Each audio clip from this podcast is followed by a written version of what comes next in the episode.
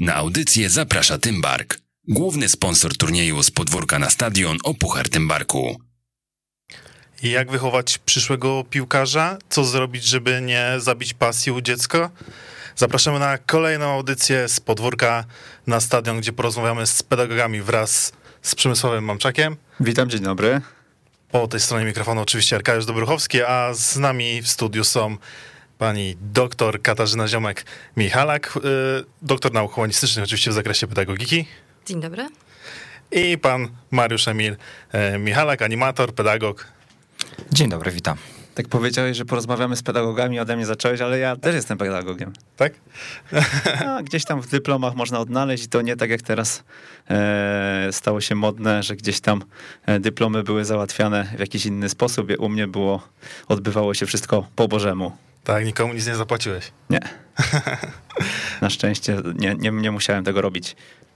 Dobrze, to zacznijmy, w, e, zacznijmy od tego, że mm, powiedzieliśmy kilka słów e, na razie takich wstępnych o, o pedagogach, ale powiedzmy, czy tak naprawdę się zajmujecie też na co dzień? To będzie od tego, żeby nakreślić tło całej naszej tutaj rozmowy. Na co dzień jestem adiunktem w Akademii Pedagogiki Specjalnej imienia Marii Grzegorzewskiej w Warszawie. Dodatkowo prowadząc wykłady, prowadząc konwersatoria ze studentami, kształcę ich w kierunku gerontologicznym, przygotowuję do pracy z osobami starszymi, kompetencje społeczne również doskonalimy. Na co dzień jestem mamą, mamą fantastycznych dzieciaków, trójki dzieci i współpracuję razem z mężem w jego firmie. Tak, ja, tak jak Kasia powiedziała, prowadzę swoją działalność gospodarczą, która jest y, w ogóle związana z, z, inną, y, z innym tematem niż y, ten, który, którym się dzisiaj tutaj będziemy zajmować. Natomiast w wolnym czasie firma jako CSR, jako społeczną odpowiedzialność biznesu prowadzi taki projekt społeczny Kreatywne Lato.pl. To jest projekt, który polega na organizacji czasu wolnego dla dzieci i młodzieży, również czasu wolnego naszych dzieci, bo tak jak Kasia powiedziała, mamy trójkę dzieci, dzieci rosną, oczekują coraz więcej, no a oferta zajęć dodatkowych, ale też y, fajnych, ciekawych obozów tematycznych jest y, mimo wszystko ograniczona, a my jako y, animatorzy, pedagodzy staramy się właśnie ten wolny czas wypełnić. I tak już od czterech lat organizujemy obozy dla dzieci naszych znajomych, dla wszystkich chętnych, którzy chcieliby po prostu pojechać na jakąś niesamowitą, niezapomnianą przygodę. To są obozy kondycyjno-sportowe, to są y, obozy przygodowe czy wypoczynkowe. Natomiast y, my przede wszystkim pracujemy metodą projektu, staramy się, żeby kształcić czy rozbudowywać takie kompetencje społeczne u dzieciaków i tym się właśnie różnimy, że, że tutaj staramy się, żeby ten projekt, program nie był to tylko wyjazd i tylko i wyłącznie jakieś zajęcia, które znają chociażby z, z rozwijania swojej pasji, na przykład w klubach sportowych czy związkach sportowych, organizacjach, tylko żeby, żeby też mogli poczu, poczuć właśnie takiego ducha rywalizacji, ale też współpracy, właśnie metodą projektu, w jaki sposób y, mogą osiągać więcej. Mm, tak jak zapowiadaliśmy, to będzie audycja dla rodziców e, i tak e, też macie to doświadczenie tyle, że jesteście pedagogami, oczywiście też, jak wspomnieliście, jesteście rodzicami i też ten główny temat nasz, który pod, podkreślam, będziemy tu podkreślać, czyli wychowanie przyszłego piłkarza. Macie taką jedną piłkarkę w domu i, i oni tutaj e, kilka słów, najpierw od tego zaczniemy, później przejdziemy do tematów, które najbardziej interesują rodziców. Zacznijmy właśnie od tej Emilki, 13-letniej piłkarki Górnika, Górnika Łęczna. Jak wy podchodzicie w ogóle do, do, jej, do jej pasji, do, do piłki nożnej i do tego, co teraz z każdym rokiem się z nią dzieje, że coraz większe gdzieś zainteresowanie też budzi swoją osobą? Emilka już e, jako mała dziewczynka wykazywała bardzo duże zainteresowania e, zajęciami sportowymi, sportem samym. E, uczestniczyła w różnych zajęciach. Staraliśmy się ukierunkować jej zainteresowania, pokazać jej możliwości, ofertę. Brała udział w zajęciach plastycznych, w zajęciach tanecznych. Chyba taka klasyczna wizja dziewczynki, córki, która rozwija się plastycznie, tanecznie, artystycznie. Natomiast bardzo szybko ona sama zweryfikowała nam i pokazała swoje zainteresowania właśnie sportowe w świetlicy szkolnej zawsze z chłopcami. Na boisku, w chwili, kiedy byli przy, szko- przy szkole, na boisku zawsze z chłopcami można ją było odnaleźć na, grającą w piłkę. Na osiedlu tak samo z chłopcami zawsze w piłkę kopiąca. Znalazła jedną zawodniczkę też, koleżankę, sąsiadkę, z którą w piłkę kopały. Natomiast bardzo szybko nam powiedziała, że chciałaby uczestniczyć w zajęciach piłkarskich i stąd, stąd właśnie było poszukiwanie przez nas klubu, w którym mogłaby rozwijać swoje zainteresowania. Tak, no i to zainteresowanie trwa już od y, kilku ładnych lat, no i ono w tym momencie z roku na rok y, rozwija się. My, my tutaj jakby asystujemy, ale też absolutnie nie, nie ciągniemy tego w jakoś tam w swoją stronę, tym bardziej, że no ani, ani Kasia, ani ja nie mieliśmy jakichś tam spektakularnych mm, karier piłkarskich, co najwyżej w reprezentacji szkoły y, grałem i to, to, to, to jest całe doświadczenie. Jak pewnie większość chłopaków mniej więcej w moim wieku w tym czasie rzeczywiście piłka piłka była też bardzo popularna i była żywa na każdym osiedlu, na, na każdym boisku szkolnym, na, na każdym boisku osiedlowym.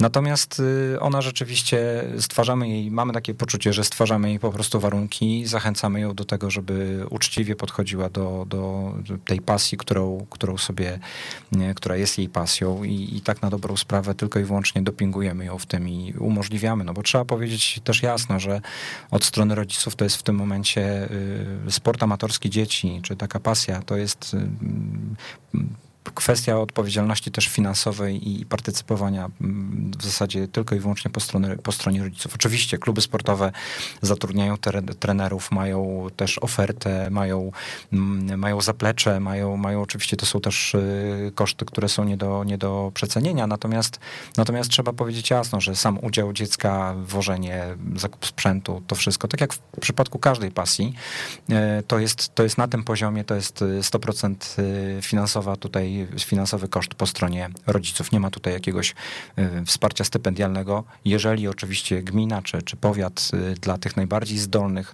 dla tej najbardziej zdolnej, uzdolnionej powiedzmy młodzieży funduje czasami takie stypendia. Natomiast, y, natomiast no, trzeba powiedzieć jasno, że póki to nie jest jeszcze ten poziom zawodowy, czego jest to, jest to pasja, jest to po prostu tak jak każdy, jak każda pasja finansowane mm, z, z portfela rodzica. A nie staraliście się nakierunkowywać właśnie, żeby na inne te aktywności, na plastykę, na muzykę, nie staraliście się gdzieś powiedzieć Emilce, no nie, no piłka to niekoniecznie dla ciebie, czy, czy gdzieś było tak, miała tą piłkę, no to niech idzie w tą piłkę, e, niech robi co chce. No, sam początek właśnie, tak jak powiedziałam, y, to było to ukierunkowywanie, plastyka, taniec, ale bardzo szybko pokazała nam, że sport to jest zdecydowanie jej faworyt spośród y, zajęć dodatkowych. Podążyliśmy za jej zainteresowaniami, posłuchaliśmy jej y, i ten sport faktycznie towarzyszy jej już od kilku lat. Czy w tym momencie nie staram się zmienić jej zainteresowań? Nie, bo wiem, co kocha. A jest, jest z tym szczęśliwa i wtedy również my jesteśmy jesteśmy szczęśliwi jako rodzina. Ona się spełnia, realizuje, widzimy jej rozwój, kształtuje się nie tylko umiejętności, kształtują się nie tylko umiejętności sportowe, ale osobowościowe, co jest dla nas też istotne. Ćwiczy swój hard ducha, ćwiczy swoją e, konsekwencję, ukierunkowanie na cel.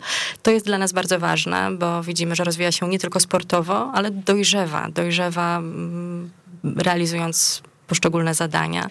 Nie zmieniamy jej zainteresowań, absolutnie. Panie Mariuszu, jak to jest oglądać sobie euro yy, i w przerwie meczu widzieć córkę yy, pomiędzy tymi wszystkimi gwiazdami, które, których na co dzień gdzieś tam się śledzi w yy, klubowej piłce?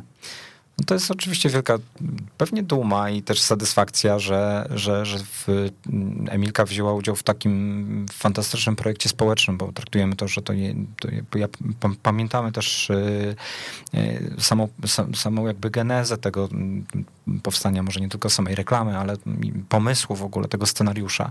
My sobie zdajemy sprawę, że historia, która jest opowiedziana w reklamie, ona opowiada historię setek czy tysiąca pewnie dziewczynek w Polsce nie tylko w Polsce. Tak się akurat złożyło, że, że to też jest rzeczywiście historia Emilki w dużej części. Ona jest bardzo autentyczna, w bardzo wielu elementach jest, jest spójna i dlatego, że to jest też reklama społeczna, że ona też zachęca do, do, do niepoddawania się, do re, re, razem da, damy, następnym razem damy radę, tak? Te, te, te słowa, które zachęcają do, e, do, do umiejętności też przegrywania, do, do mm, właśnie niepoddawania się, do tego, żeby budować na, na, na każdej porażce i też wyciągać z tego wnioski, e, no to, to nas w jakiś sposób też i urzekło i też oczywiście, tak jak powiedziałem, na pewno jest satysfakcja i na pewno jest duma, chociaż powiem szczerze, że przez pierwsze dwa czy trzy tygodnie w ogóle nie widzieliśmy tej reklamy, widzieliśmy ją tylko i wyłącznie jako, jako, jako materiał w internecie, nie, nie oglądaliśmy tego w telewizji rzeczywiście gdzieś tam znajomi czy środowisko też donosiło nam o tym, że rzeczywiście gdzieś tutaj w prime time i gdzieś tutaj w takim w bardzo ważnym momencie, gdzieś przed wydaniem informacji czy wiadomości, ta, ta, ta reklama jest gdzieś e, emitowana. No i dla nas jest to naprawdę przede wszystkim e, jakaś wielka satysfakcja, że projekt, który, jest, który ma zachęcać też do aktywności, do, nie do tego, żeby biernie siedzieć przed telewizorem w wygodnej kanapie, w wygodnych kapciach, tylko rzeczywiście ruszyć się, zrobić coś, prawda, coś dla siebie, coś dla swojego zdrowia, bo mamy świadomość, że nawet jeżeli te dzieciaki nie będą w przyszłości zawodowymi sportowcami, no to będą, będą, będą miały zdrowe nawyki, będą, będą cieszyły się dobrym zdrowiem, samopoczuciem i, i będą po prostu chociażby amatorsko uprawiały sport, y, czy jakąkolwiek aktywność fizyczną, a myślę, że to jest y, na pewno najważniejsze. Czy, czy was jako pedagogów, osoby, które mm, wokół tej psychologii e, funkcjonują i, i powiedzmy mają większą wiedzę niż przeciętny e, obywatel, mm, urzekł was też scenariusz e, i to właśnie no to, co jest tam pokazane, tak? Z perspektywy wartości dla, dla takiej właśnie mm, szerokiego grona dzieciaków w całej Polsce. Ten spot reklamowy jest bardzo emocjonujący i on bardzo oddziałowuje na emocje odbiorców. Poza tym pokazuje też rodzinną, rodzinne wartości, gdzie dziewczynka otrzymuje wsparcie ze strony taty, ze strony babci, która dopinguje, która kibicuje. Dołączenie, tu jest też poruszony taki problem dołączenia dziewczynki do grupy chłopców na trening, co pokazuje nam też brak tych grup dziewczęcych na tym etapie Mm, w których dziewczynki mogłyby się rozwijać e, sportowo. Mm, dodatkowo e, sama kwestia motywacji po przegranej, wsparcie koleżanki z drużyny, która podnosi przegraną, walczącą też koleżankę w strugach deszczu, to dodatkowo dodało emocji. Tutaj na ten deszcz wyczekiwaliśmy wręcz z utęsknieniem na ten wieczór, żeby to nagrać. Mm, faktycznie e, to jest e, spot, który pokazuje bardzo dużo wartości, e, w których można się odnaleźć i praktycznie zarówno rodzice, rodziny sportowca, jak i sam młody sportowiec ćwiczący, trenujący w piłkę, zmierzający do rozgrywek różnego rodzaju, do turnieju, no widzi w tym siebie. To jest to marzenie. Stanąć w tunelu, wyjść na stadion, zagrać ten najważniejszy w życiu mecz. Dla nich jest to wielka nobilitacja. Dodajmy, dodajmy jeszcze, Kasiu, że na Stadion Narodowy, przypomnę tylko, że na Stadionie Narodowym można gra, zagrać tylko w trzech przypadkach, prawda? W kadrze męskiej A, czyli w drużynie seniorskiej w reprezentacji Polski, podczas finału Pucharu Polski i podczas finału Tymbarka. To są tylko i wyłącznie trzy, przynajmniej na razie, o ile to się po prostu nie zmieni, tak? Jeżeli, jeżeli rzeczywiście to się nie zmieni, to są tylko trzy przypadki, kiedy możemy tam zagrać mecz, y, który nie jest meczem charytatywnym, nie jest też meczem, tylko taki pełnoprawny pojedynek y, sportowy, więc, więc to jest naprawdę wielkie wyróżnienie i, i dla dzieciaków jest to po prostu też niesamowita nobilitacja, ale oprócz tego, co jeszcze Kasia powiedziała, to, to, to kwestia tego, że, że tutaj ten, ten spot y, no niesamowicie też buduje takie, takie pozytywne przekonanie y, co do, co do właśnie podnoszenia się właśnie, tak jak Kasia powiedziała, po, po, po, po porażce. My mamy takie poczucie też jako pedagodzy, że jeżeli, jeżeli nie, nie nauczymy dziecka przegrywać, to, to, to, to dziecko nigdy nie będzie potrafiło wygrywać, nie będzie potrafiło się z prawdziwą euforią, z taką nieskazitelną, czy wręcz taką nieskrępowaną, tą, z tymi emocjami, nie będzie po, po, po prostu potrafiło e, wyrażać tego swojego zadowolenia. Y, pamiętając o tym, ile potu, ile trudu kosztowało, kosztowała ta droga i ten chociażby medal Mistrzostw y, Świata czy, czy, czy Olimpiady. Więc tutaj kwestia porażki wygranej y, jest ze sobą w naszym przekonaniu bardzo ściśle powiązane i, i no jest bardzo istotne, jeśli chodzi o budowanie po prostu tego, tego właściwego i przekazu i tych wartości właśnie wśród młodych sportowców. Dodatkowo ten spot pokazuje też wsparcie koleżeńskie, bo mamy tutaj pomoc y, taką emocjonalną koleżanki, która swoją koleżankę z drużyny podnosi y, w, tych, w tym deszczu, ale też w chwili, kiedy starsza koleżanka młodszemu kapsel podaje y, już przed wejściem na stadion i też go wspiera w tych początkach jego kariery sportowej.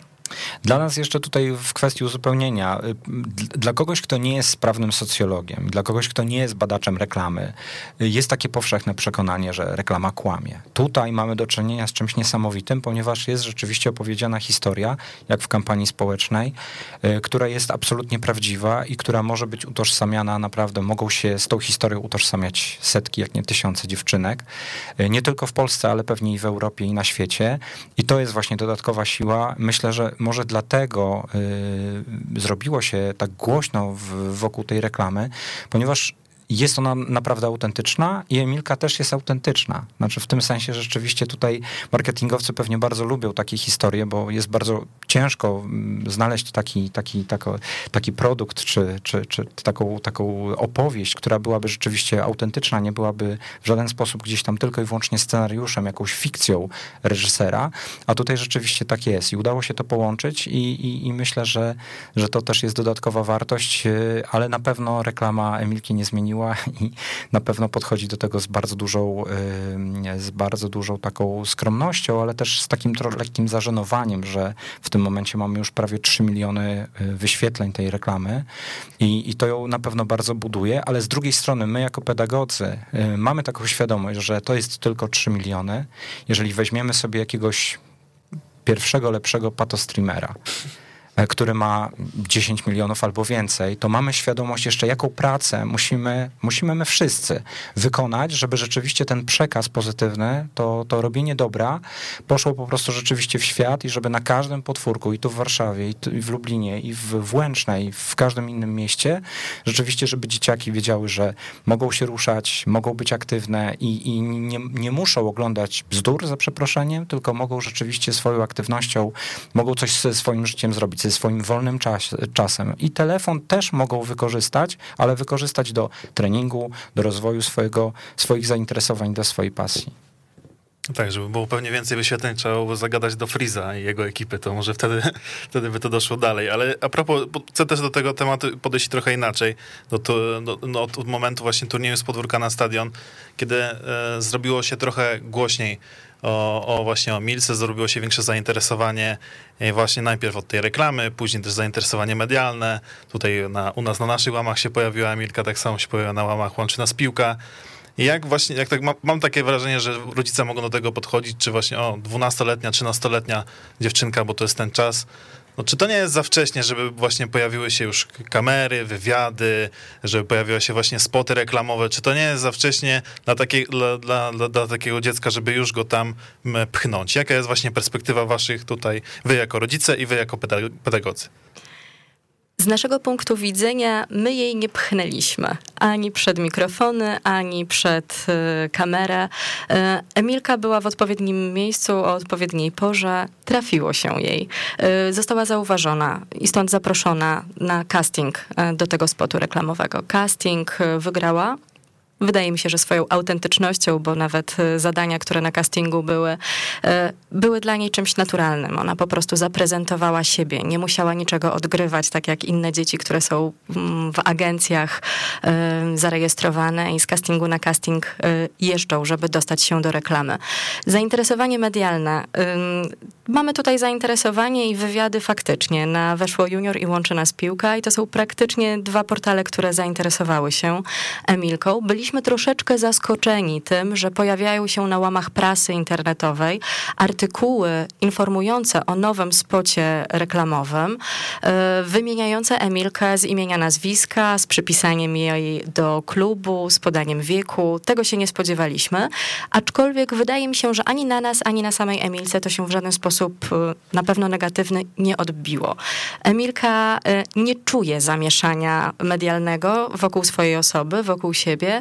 Mm, kwestia pojawienia się reklamy w telewizji, tak jak Mariusz wcześniej powiedział, zażenowała ją. Reklama pojawiła się dobre półtora roku po tym, jak y, była nagrana i kwestia czasu, który minął, opadły też emocje tych dni na planie y, filmowym, kiedy reklama była kręcona. Ona też dorosła, dojrzała troszeczkę, wiele rzeczy w międzyczasie się wydarzyło. Mm, bała się, bo akurat emisja reklamy była y, po tym, jak y, chwilkę po tym, jak po pandemii dzieci wracały do szkół i po tym długim okresie mm, nieobecności y, twarzą w twarz z rówieśnikami, bała się odbioru tej reklamy z punktu widzenia rówieśników. Niemniej jednak reklama została przyjęta bardzo pozytywnie. Emilka mm, nieco zażenowana, że sąsiedzi zaczęli rozpoznawać, że w telewizji ją widzieli w e, reklamie i to tak właśnie w tym prime time jeszcze dodatkowo. Ucieszyła się. Jest to dla niej na pewno nobilitacją bardzo dużą. Jeszcze nazwanie jej na łamach portalu ambasadorką dziewczęcej piłki nożnej dodało jej skrzydeł do tego, żeby dalej się rozwijać. Absolutnie nie zahamowało to jej chęci rozwoju, nie zahamowało to jej pasji, nie spowodowało też, żeby woda sodowa jej uderzyła do głowy. Absolutnie nie. Ona jest skromną dziewczyną, nie ma parcia na szkło mm, Dodatkowo, mm, tak jak gdzieś w wywiadzie też już podkreślałam, nie ma swojego kanału. Ona się nie lansuje w mediach społecznościowych. Y, ma świadomość, że wiele oczu jest skierowanych w tym momencie na nią i wydaje mi się, że to właśnie dodaje jej też teraz takiej chęci i siły do tego, żeby rozwijać się i nie zawieść, nie zawieść oczekiwań, które są mm, skierowane. To co muszą zrobić rodzice, co powinni zrobić rodzice, żeby właśnie tak to się bezboleśnie odbywało, bo często jest tak, że pojawia się jakieś zainteresowanie mediów e, związane z e, występami na coraz wyższym poziomie zawodników, zawodniczek. No i wtedy mm, rodzi to wiele problemów, tak? E, jak, jak powinni zachować się w tej sytuacji rodzice, żeby wspierać to dziecko, które jest nieświadome może nawet tych wszystkich mechanizmów jeszcze, nie wie jak to działa, jak to wszystko funkcjonuje i do czego to zmierza, a jednak no może, może gdzieś tam nam odpłynie upłynąć i, i fajnie byłoby uchronić e, od tego, a, a naprowadzić na drogę ku piłkarskiej karierze. Ja myślę, że tu oczywiście mamy kilka dróg, y, bo można korzystać z okazji i próbować y, spijać y, taką śmietankę, która, która się gdzieś wytworzyła i korzystać z okazji, bo ma się swoje pięć minut, trzeba to wykorzystać. Ale wydaje mi się, że przy tak małym dziecku jeszcze nie. Warto by było jednak pokazać, w którym miejscu jesteśmy, w którym miejscu jest nasze dziecko. Jeżeli rzeczywiście ona rokuje, czy, czy ono rokuje na, na jakąkolwiek karierę, czy jakikolwiek rozwój w danej dyscyplinie, bo to nie, nie, nie musi być tylko i wyłącznie wyłącznie piłka nożna. To myślę, że pokazanie, pokazanie jeszcze, jaką drogę musi pokazać, pokonać, ile, ile jeszcze musi, ile się jeszcze musi nauczyć, y, do ilu kadr musi jeszcze awansować, żeby rzeczywiście y, osiągnąć ten sukces piłkarski, że to jest ciągła praca, to, jest, to są ciągłe wyrzeczenia i myślę, że tylko i wyłącznie taka y, konstruktywna rozmowa i spokojne pokazywanie też przykładów, czy na przykładach znanych zawodników, znanych gwiazd i piłki ale też świata sportu, pokazywanie właśnie ile ciężkiej pracy, ile jest ta talentu, w tym całym sukcesie, a ile jest ciężkiej pracy. I wydaje mi się, że wtedy, jeżeli będzie takie racjonalizowanie właśnie tego, tego sukcesu, sukcesu y, w, w rozumieniu udziału w jakimś y, przedsięwzięciu medialnym, czy, czy to będzie, nie wiem, czy to będą zdjęcia do na przykład y, promocji jakiegoś produktu typu butów piłkarskich, czy, czy jakiejś firmy, która produkuje sprzęt po prostu sportowy, to tak czy inaczej pokazać i wy, wykorzystać to jako ciekawy epizod, który, który będzie budować w przeszłości sport sportowca, bo przecież umiejętność y, fajnego prezentowania się, wypowiadania się, stawiania do, stawania do wywiadów i bycie takim jednak otwartym człowiekiem, otwartym w przyszłości na, na, na, na, na kontakt z, i z kibicami, ale też ze, z opinią publiczną, jest chyba wpisane też w rozwój młodego sportowca i budowanie tego sportowca jako, jako no, profesjonalnego zawodnika. Więc wydaje mi się, że takie raczej te, te wartości należałoby tutaj yy, uczulić rodziców na to, żeby właśnie w ten sposób do tego, do tego mm, podeszli. No, Okej, okay, rozumiem, ale w takim razie też y, cały czas trzymając się tego, tema tego tematu, tak się zas zastanawiam, e, jak to właśnie może wyglądać z mm, perspektywy takiego zawodnika. Mamy takiego młodego zawodnika, 12-13 lat i on też jak gdyby pierwsze ma to zainteresowanie medialne, e, się pojawia i też e, cały czas się rozwija. Mam wrażenie, że może to na psychikę też wpływać e, z takiego młodego człowieka, że już, że już coś osiągnął, że już został doceniony i ta praca może być, że już nie musi wykonywać większej pracy, bo, bo już, już został dostrzeżony już osiągnął cel. Co zrobić, że właśnie, żeby gdzieś tonować ten, e, ten, ten zapał, ten taki, może nie złe słowo zapał, ten właśnie taki, tą radość, taką, taką pewność siebie, że a, ja już jestem, ja już jestem piłkarzem, ja już mam wywiady, ja już jestem w reklamach, mam 12-13 lat, ja już, ja już jestem panem już nic nie muszę robić, będę tylko sobie chodził na treningi, a ja jestem najlepszy, najlepiej to, żebym już grał w wyższych kategoriach, bo tam powinien być. Co, jak to stonować, żeby też nie zabić w ogóle tej w ogóle pasji tego dziecku, żeby nie mówić mu, że a, no, ty nie jesteś taki dobry, jesteś słabszy, czy takie, żeby nie, nie, depre, nie, nie depre, deprecjonować y, tego, tego dziecka, ale też wspierać i żeby nie, też nie odleciał, tak jak tutaj wspomnieliśmy. Co zrobić?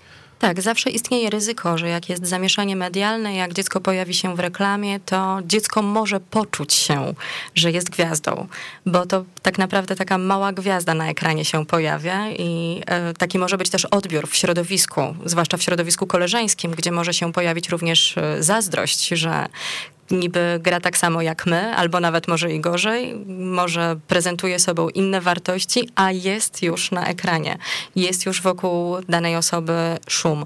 Ale wydaje mi się, że tutaj jest właśnie bardzo duża rola rodziców, przede wszystkim rodziców, którzy są najbliżej dziecka i którzy to dziecko znają i którzy powinni rozmawiać.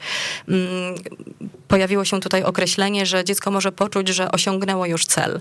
No to zależy, jaki cel ma dziecko. Czy chce błyszczeć tylko i wyłącznie w mediach, czy jego celem jest wygrać turniej, osiągnąć y, sukces y, właśnie na skutek swojej ciężkiej pracy.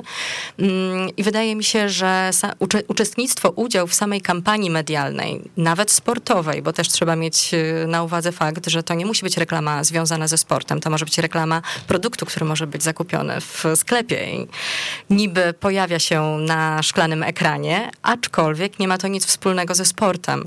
W ogóle uczestnictwo w wystąpienie w reklamie. Akurat w przypadku Emilki poruszona tematyka sportowa zbiegła się z jej rzeczywistością, w której na co dzień funkcjonuje, z jej zamiłowaniem, z jej pasją. Ale w przypadku dzieci, które starają się lansować medialnie, zdarzają się też rodzice, którzy starają się wypromować swoje dziecko ponad wszystko.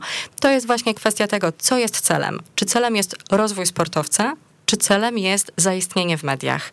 Wydaje mi się, że tutaj na to trzeba przede wszystkim zwrócić e, bardzo silną uwagę, że mm, prawdziwy sportowiec, nawet ten 10, 12, 13-letni, który marzy o swojej karierze piłkarskiej, nie pomyśli, iż osiągnął cel występując e, w reklamie, bo jego celem zapewne jest e, występowanie i, i, uczestnictwo w turniejach i wygrywanie mm, konkretnych rozgrywek sportowych. To jest jego celem. Natomiast Tutaj przede wszystkim e, kluczowa jest kwestia wspierających rodziców, którzy powinni pokazać, że tego typu wydarzenia jak reklama to może być epizod. Epizod, z którego, tak jak Mariusz mówił, warto skorzystać i czerpać to, co najlepsze dla rozwoju, dla umiejętności.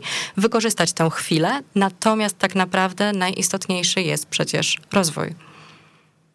A propos tego, tutaj tak mi się od razu skojarzyły takie przykłady może nawet młodszych y, tutaj dzieci, bo tu mówiliśmy cały czas o 12-13 lat, a mi się tak skojarzyło teraz e, mm, syn Sławomira e, Peszki ma, ma przecież kontrakt z jedną z marek e, butów.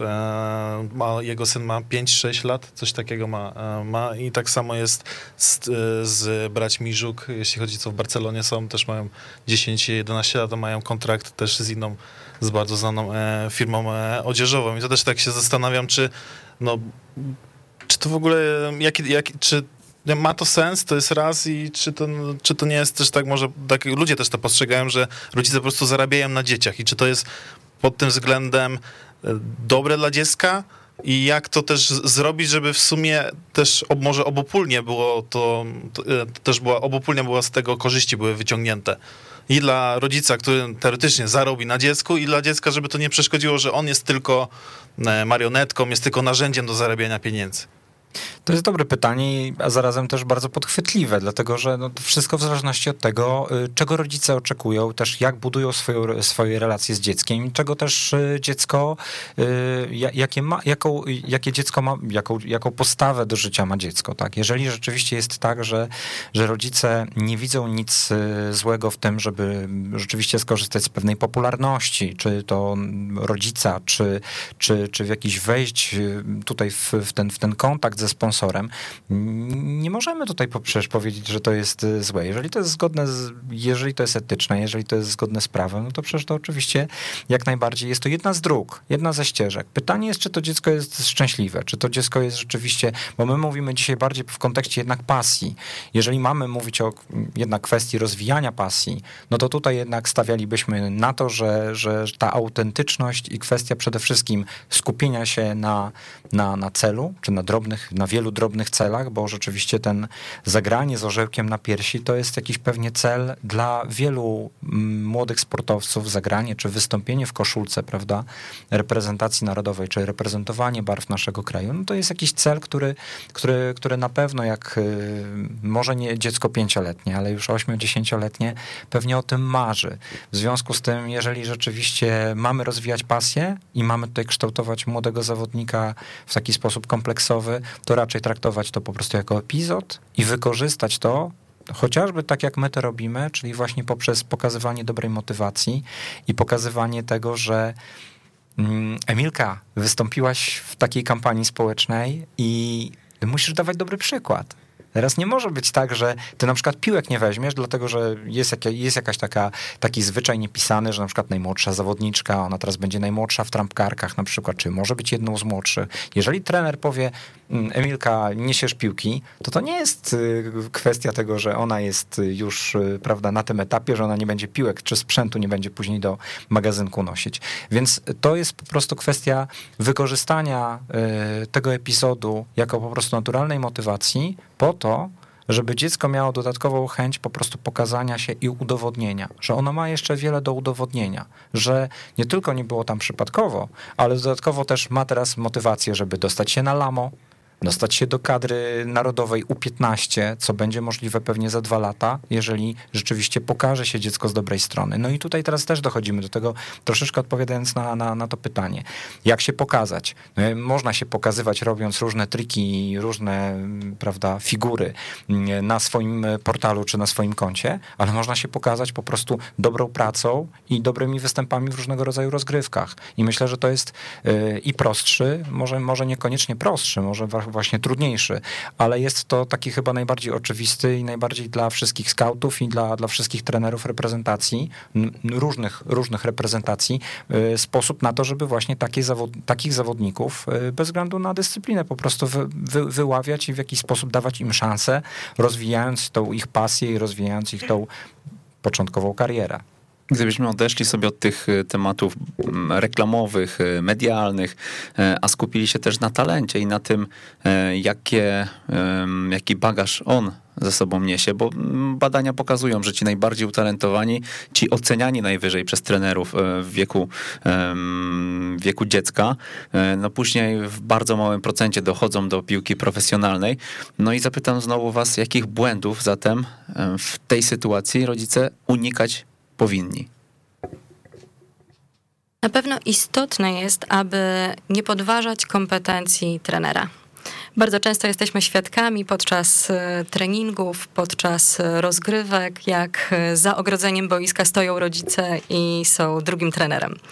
E, kierują swoim dzieckiem, dopingują, ale też krytykują informują, instruują wręcz, jak dziecko powinno zagrać. Wydaje mi się, że to nie powinno być w ogóle dozwolone i rodzic powinien powstrzymać swoje emocje, jeżeli przychodzi na rozgrywki, jeżeli przychodzi na mecz, oglądać, motywować, dopingować, ale absolutnie nie wchodzić w rolę trenera.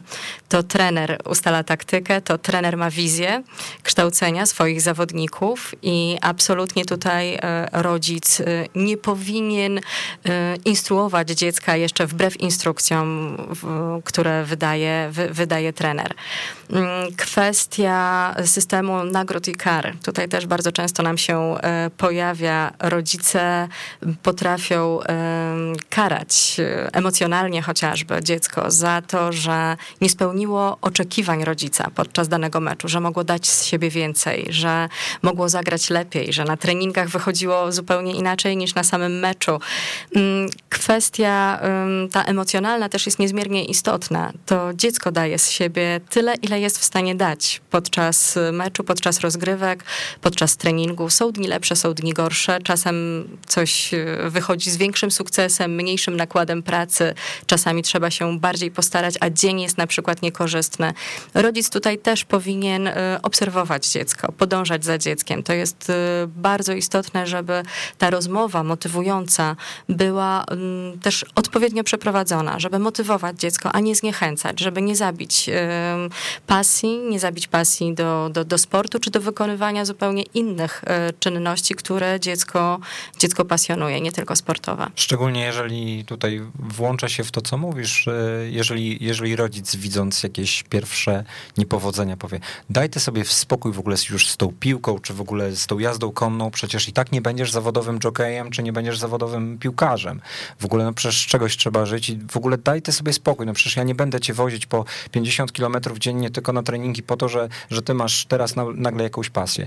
Więc y, takich rzeczy nam jako rodzicom, mimo tego, że możemy tak pomyśleć, bo jesteśmy też ludźmi i też mamy swoje słabości, mamy też swoje jakieś ograniczenia, y, czasami też nam w pracy nie wychodzi, to, to też jest takie dosyć, powinno być jednak naturalne, że nie jesteśmy superbohaterami jako rodzice, tylko jesteśmy ludźmi, tak jak każdy z nas. I, i mimo, mimo tego musimy no, do tego dziecka wejść z, z, takim, z takim zrozumieniem. Nie możemy krytykować w taki sposób jakby jednoznaczny po jakimś niepowodzeniu, tylko raczej starać się po prostu analizować to w jakichś odstępach czasu, w jakichś cyklach, tak? Mówi się o cyklach czy mikrocyklach. No, jeżeli weźmiemy sobie jakiś sezon, sezon czy jakiś okres, kiedy, kiedy dziecko na takie zajęcia uczęszcza, no to wtedy rzeczywiście jest to jakiś najlepszy moment, żeby zapytać się trenera, czy, y, czy, czy robi postępy, czy te postępy, które wykonuje, to, to są tylko i wyłącznie postępy ze względu na to, że rośnie i ma na przykład większy zasięg ramion, albo po prostu pewne warunki fizyczne, które wynikają po prostu z rozwoju dziecka. Czy rzeczywiście rozwija się w taki sposób i rzeczywiście ten czas, który poświęca jest, jest, jest właściwie,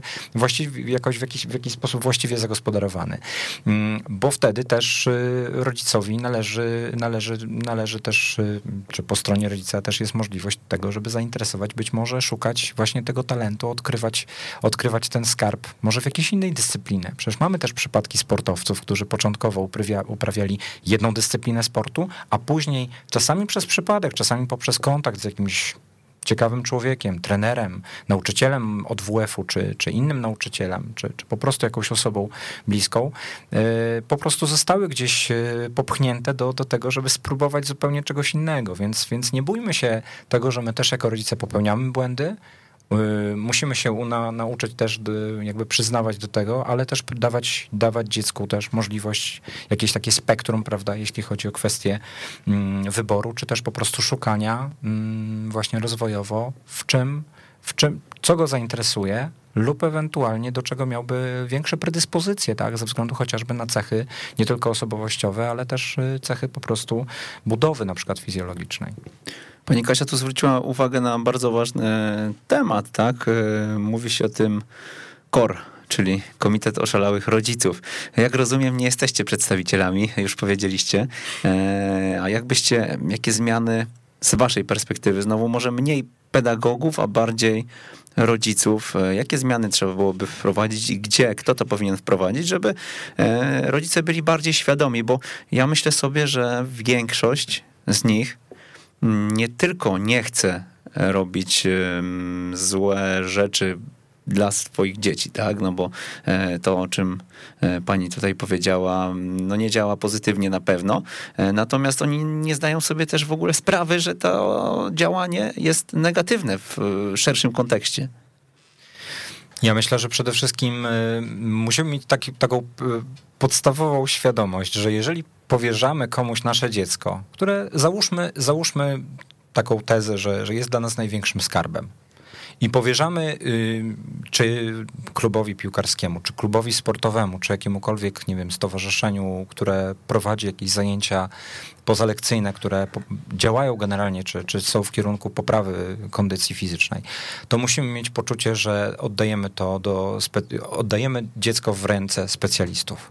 To znaczy nie, y, nie wchodzimy w ogóle w rolę y, osoby oceniającej kwestie konspektów zajęć, scenariuszy, mimo tego, że nawet być może metodycznie część z rodziców miałaby podstawy do tego, żeby ma na przykład wiedzę. Tak jak my na przykład mamy y, podstawy do tego, żeby na przykład konspekt zajęć taki przeanalizować i sprawdzić, czy rzeczywiście ten cykl, czy mikrocykl jest zrealizowany, czy, czy jest realizowany pod, pod kątem dydaktycznym właściwie. Ale nie robimy tego z prostego powodu, dlatego że no, zaufaliśmy na początku jakiegoś właśnie okresu, czy tam powiedzmy sezonu.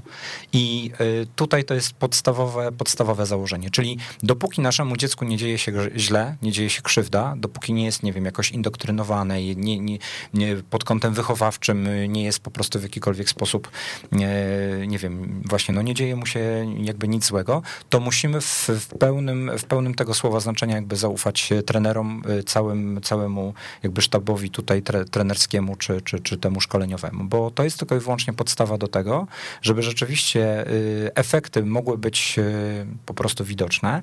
No i my nie możemy się w to angażować, dlatego że to są osoby, które mm, mają jakąś wizję, tak jak Kasia powiedziała, są do tego przygotowane, są kompetentne i no to, to jest właśnie przewaga selekcjonerów na przykład pomiędzy sobą. Dlaczego jeden selekcjoner uzyskuje lepsze wyniki? No bo właśnie potrafi odkryć w danej grupie jakieś cechy unikalne i potrafi ich tak i zmotywować i też tak przygotować, e, że osiągają lepsze rezultaty niż inna grupa z innym selekcjonerem. I tak, i, i to jest właśnie kwestia bardzo często um, unikalnych predyspozycji po prostu poszczególnej osoby. A my wiemy o tym doskonale, że mamy trenerów i trenerki naprawdę doskonałe, doskonałych. W związku z tym musimy, musimy się tem, temu jako rodzice y, podporządkować. Mówię, jeszcze raz podkreślam, my to, co y, widzimy tutaj z naszej perspektywy, jedynie to, co byśmy chcieli poprawić, to jest na pewno kwestia y, nawet nie tyle lepszej komunikacji pomiędzy klubem a, a rodzicami, ale to, co można by było na pewno poprawić, to jest kwestia chociażby mm, informowania z dużym wyprzedzeniem, czy z jakimś wyprzedzeniem o na przykład hormonogramie mm, różnego rodzaju wyjazdów, czy, czy, czy zajęć dodatkowych, które wykraczają poza, te, poza ten podstawowy plan treningowy. Dlaczego? Dlatego, że my też jesteśmy, y, też mamy jakieś swoje plany i bardzo często jesteśmy, niestety jako rodzice, i to pewnie nie jesteśmy tutaj osamotnieni, jesteśmy bardzo często zaska zaskakiwani tym, że na przykład, a jutro jest jeszcze jakiś tam dodatkowy mecz kontrolny czy sparring, a pojutrze będą jakieś zawody. E, nie wiedzieliśmy o tym, informujemy w ostatniej chwili.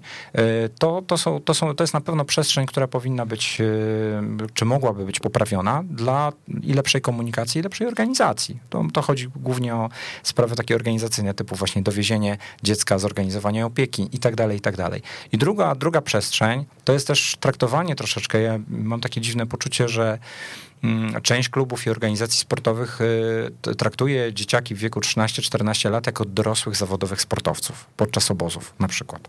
I zastanawiam się dlaczego. Dlatego, że ja rozumiem, że wypełniając y, kilkoma treningami dzień, no to y, zapełniamy powiedzmy no kilka godzin w ciągu, całe, w ciągu całej doby. Trzeba pamiętać, że to, jest jeszcze, to są jeszcze jednak mimo wszystko dzieci, które oczekują więcej, które potrzebują jakiegoś wypełnienia tego czasu wolnego, a nie na takiej zasadzie, że będziemy jako włodarze klubu liczyli, że oni będą siedzieć sobie w pokojach i będą po prostu się regenerować jak dorośli przed kolejnym treningiem. Więc tutaj jest na pewno też duża, duża przestrzeń do, do, do poprawy, czyli żeby po prostu ten czas, który jest y, pomiędzy treningami, był dodatkowo właśnie zanimowany, żeby chociażby nasi sportowcy pojadą kiedyś na y, wymianę międzynarodową, będą grać w innych klubach, żeby mieli większą ciekawość poznawczą, żeby byli po prostu bardziej zainteresowani też, też miejscem, w którym są.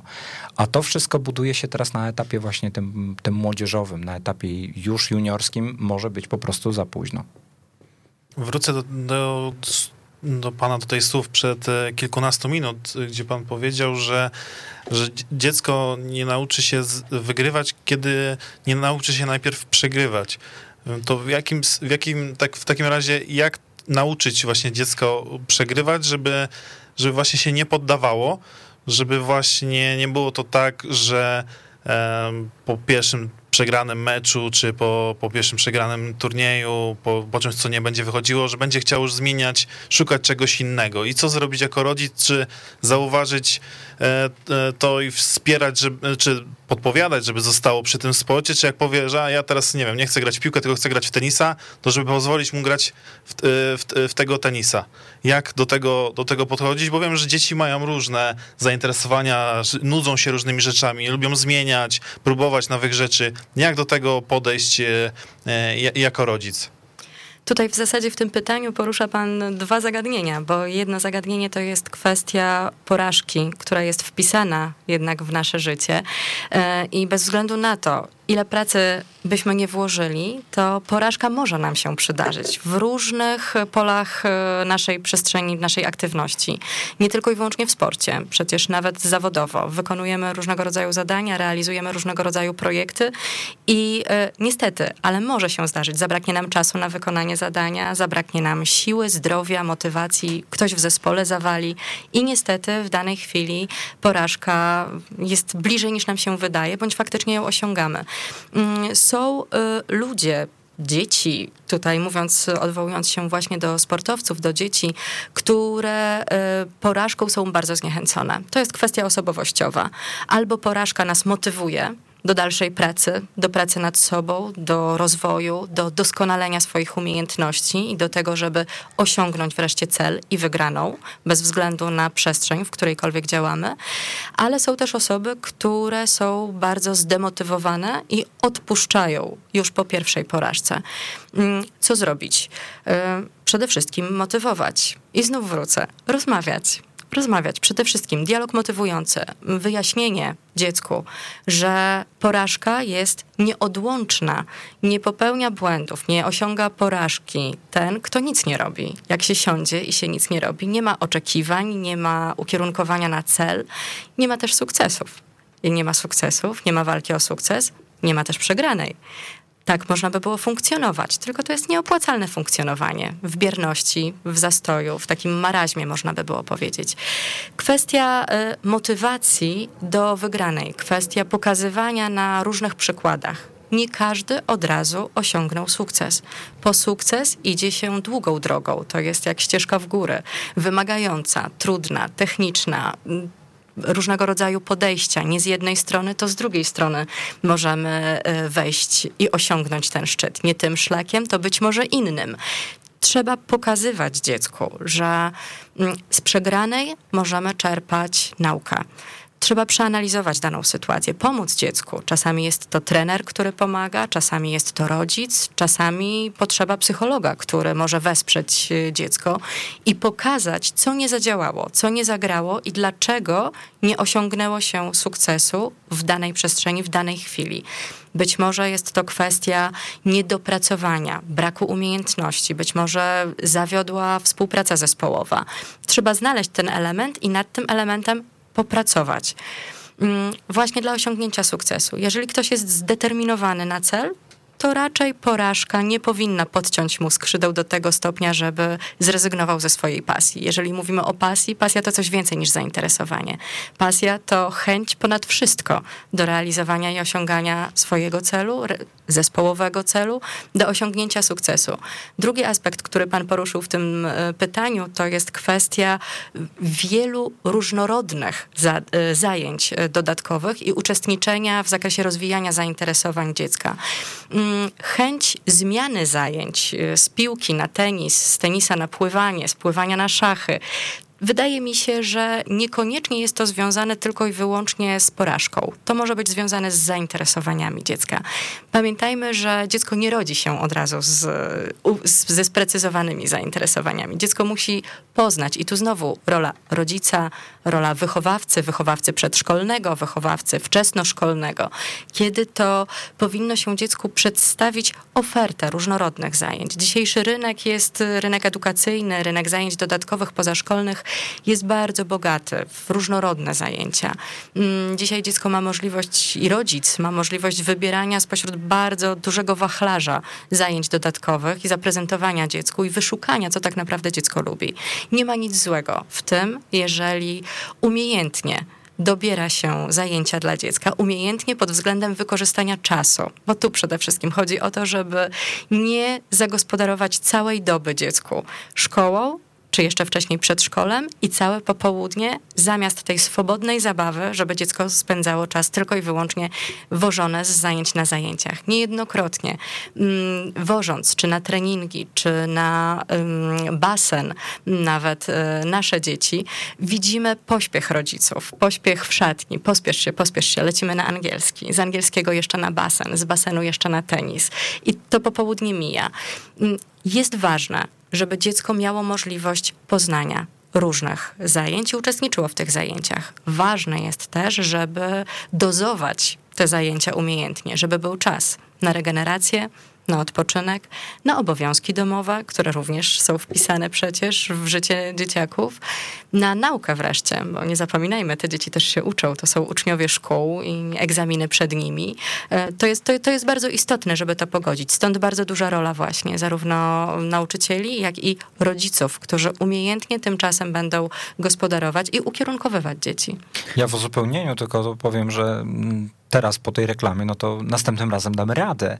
To jest jeden ze sposobów na to, w jaki sposób trenerzy mogą po prostu, jest takie słowo klucz, które po prostu będzie, mam nadzieję, funkcjonowało, dojdzie do jakiegoś takiego drugiego, jakiś, na zasadzie jakiegoś wirala, yy, będzie po prostu funkcjonowało w obiegu. A pamiętacie państwo, jak, w, nie wiem, wczoraj czy kilka dni temu, jak y, trener y, jednej z reprezentantek Niemiec w jaki sposób motywował młodą dziewczynę do, do, do, do tego, żeby stanęła i żeby powalczyła o swoje marzenia na olimpiadzie, tak? No to było wręcz jakieś tam uderzanie, uderzanie w policzki, prawda, chwycenie po prostu za kołnierz, potrząśnięcie, prawda, to też już jest w tym momencie, y, ja bym tak oczywiście nie zrobił. Natomiast pytanie jest takie, jeżeli trener trener, y, wychowawca, ktoś, kto prowadzi tą grupę, musi znaleźć sposób na to, w jaki sposób będzie ich motywować, w jaki sposób, y, stając przed rzutem karnym, który decyduje o finałach tym barku, o przejściu do na przykład półfinału, e, w jaki sposób e, dziewczynka, która ma 10 lat, ma strzelić tego karnego i ten, ta presja i ten strach przed tym, że może jej się nie udać, e, nie, nie weźmie górę. Więc każdy sposób motywacji jest dobry, nawet tak jak widzimy na olimpiadzie, jeżeli jest przekroczona pewna granica, no zakładam, że to była dorosła dziewczyna i ona też już komentowała, że, że oczywiście to jest normalny sposób, kiedy trener w taki sposób ją motywuje. No dla mnie było to szokujące, ale rzeczywiście myślę, że tutaj, natomiast co do jeszcze tylko jedno, jednym słowem uzupełniając y, to, co powiedziała Kasia, fajnie jest, y, będąc już osobą y, dorosłą, czy pełnoletnią, mieć umiejętność taką, żeby umieć pływać, umieć, e, nie wiem, e, surfować różne inne dyscypliny uprawiać nawet amatorsko te, y, te umiejętności biorą się przede wszystkim z wieku, y, jakby z, z dzieciństwa, czy, czy z, z, z, początków edukacji, bo później tak na dobrą sprawę nie mamy czasu na to, żeby uczyć się raftingu, czy wspinaczki, czy innych rzeczy, dlatego że pomimo tego, że to może być modne, no to mamy już i ograniczenia zdrowotne i bardzo często też mamy jakąś dodatkową blokadę, więc jak najbardziej wykorzystać tą, ten przestrzeń szkoły, przede wszystkim podstawowej do tego, żeby dziecko, żeby dziecko po prostu zarażać i, i skłaniać do takiej y, pełnej aktywności, żeby to dziecko w przyszłości jako dorosły człowiek było po prostu aktywne i, y, i po prostu uprawiało nawet amatorsko, ale po prostu różne dyscypliny, y, bez względu na pogodę. Niestety musimy już kończyć. Piękny tutaj poradnik dla rodziców, myślę, stworzyliście. Ja tak podsumowując, gdybyśmy to mieli w dużym skrócie, bo już jesteśmy po czasie, no to myślę zachować zdrowy rozsądek to jest, e, to jest chyba najistotniejsze. I chyba tym akcentem e, zakończymy. Dziękujemy serdecznie za przyjazd do Warszawy. Serdecznie dziękuję. I my również dziękujemy. E, do usłyszenia w kolejnej audycji. Weszło FM. Najlepsze radio sportowe.